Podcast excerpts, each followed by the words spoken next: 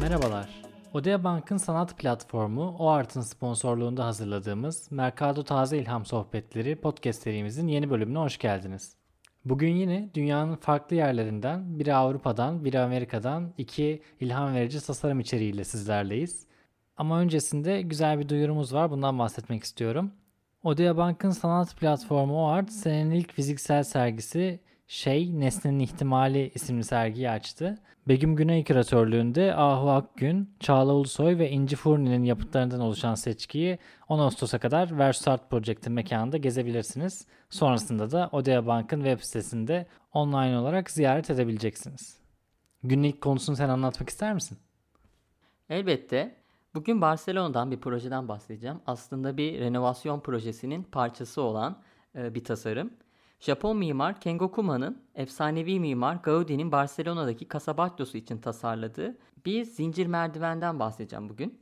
Kengo Kuma ismini çoğunuz biliyorsunuz. Japonya'nın son döneme damga vuran star arkiteklerinden. Özellikle ahşap materyali ustalıkla kullandığı mimari tasarımlarıyla tanınıyor. Eskişehir Modern Müze'nin de mimarı kendisi. Hatta Eskişehir Modern Müze'den ve mimarisinden bahsettiğimiz bir bölüm çekmiştik. O bölümü de dinlemenizi tavsiye ederim. Çok keyifli bir bölümdü. İspanyol ve dünya mimarlık tarihinde çok önemli yere sahip olan efsanevi Antoni Gaudi'nin 1904'te tasarladığı Casabatlo ciddi bir renovasyona girdi.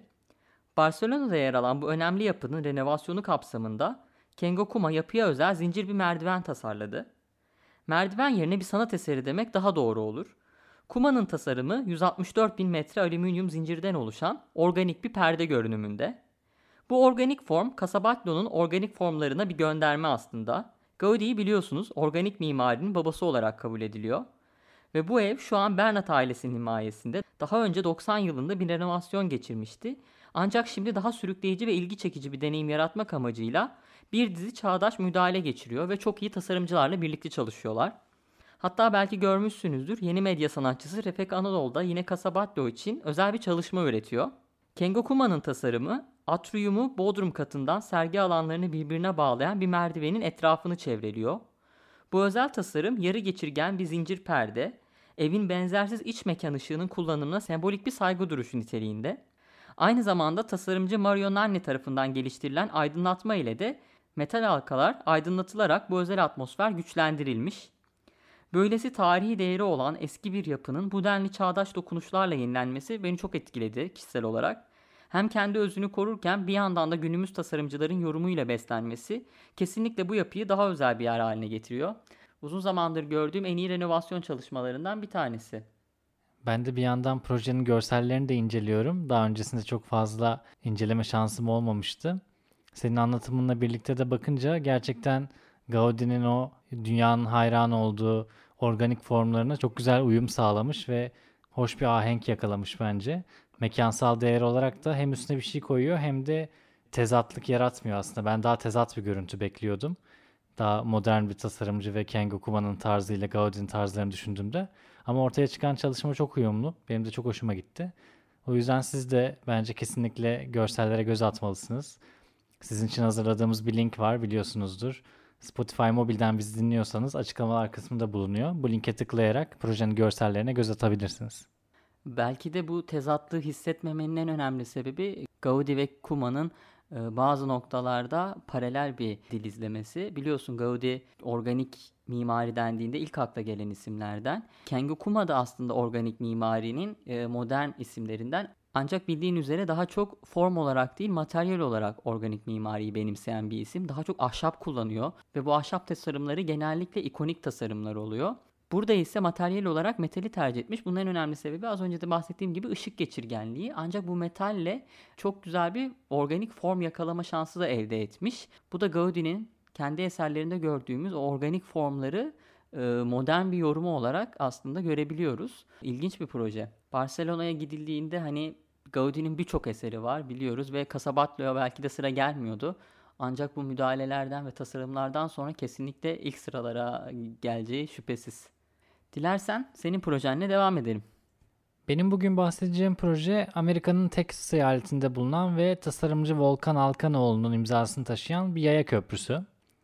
İki mahalleyi bağlayan bu köprü farklı özellikleriyle ilham veriyor. Öncelikle zihninizde canlandırmak adına biraz köprüden bahsetmek istiyorum. Ahşaptan yapılan köprü gemi yapım tekniğiyle üretilmiş ve form olarak da bir gemiyi çağrıştırıyor. Alt kısmı aynı bir gemi gibi dış bükey bir forma sahip. İç kısmında da dalgalı bir forma sahip yüzeyler bulunuyor. Bu yüzeylerdeki dalgalanmalar bazı noktalarda köprü çeperinin eğilerek oturma alanına dönüşmesini sağlıyor. Köprünün toplam uzunluğu ise yaklaşık 19 metre. Drift adı verilen bu köprünün bulunduğu mekanla kurduğu ilişki de çok güçlü. Texas'ın Fort Worth şehrindeki iki mahalleyi ayıran bir dere yatağının üzerine yerleştirilmek üzere tasarlanmış bu köprü. Bu dere yatağı bazı mevsimler derenin sularıyla buluşurken bazı mevsimlerde de bu suyla sürüklenen ve bu alanda biriken odunlarla doluyormuş. Tasarım ve kullanılan malzeme sürüklenip rastlantısal bir şekilde dere yatağında biriken odun parçalarından ilham alıyor. Bu nedenle de köprünün adı sürüklenmek anlamına gelen drift olarak seçilmiş. Köprünün bir diğer özelliği de tamamen farklı bir alanda üretilmesi, ardından bu alana taşınması ve yerine sadece birkaç saatte monte edilebilmesi. Normalde bir köprü inşasını düşündüğünüzde tamamen başka bir yerde üretilip taşınarak yerine konduğu pek örnek yoktur. Bu özelliğiyle de bundan dolayı ön üretimli tasarımların kentsel alanlarda hızlıca entegre edilebilmesine bir örnek teşkil ediyor. Bu uygulamalara plug and play urbanism yani Türkçe uyarlamasıyla da tak çalıştır şehircilik deniyor. Tasarımcı Volkan Alkanoğlu köprünün üretiminde ilk olarak çapraz lamine ahşap kullanmayı planlamış. Ancak bütçe yetersizliklerinden dolayı farklı bir fikir geliştirmesi gerekmiş. Geliştirdiği ikinci fikir de oldukça yenilikçi.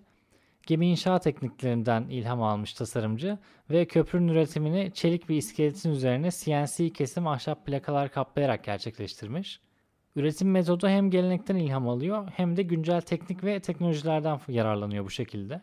Ortaya çıkan son ürün hem artistik özellikleriyle kentsel bir sanat eseri hem de yenilikçi üretim ve uygulama yöntemleriyle de emsal bir proje olma özelliği taşıyor bu şekilde.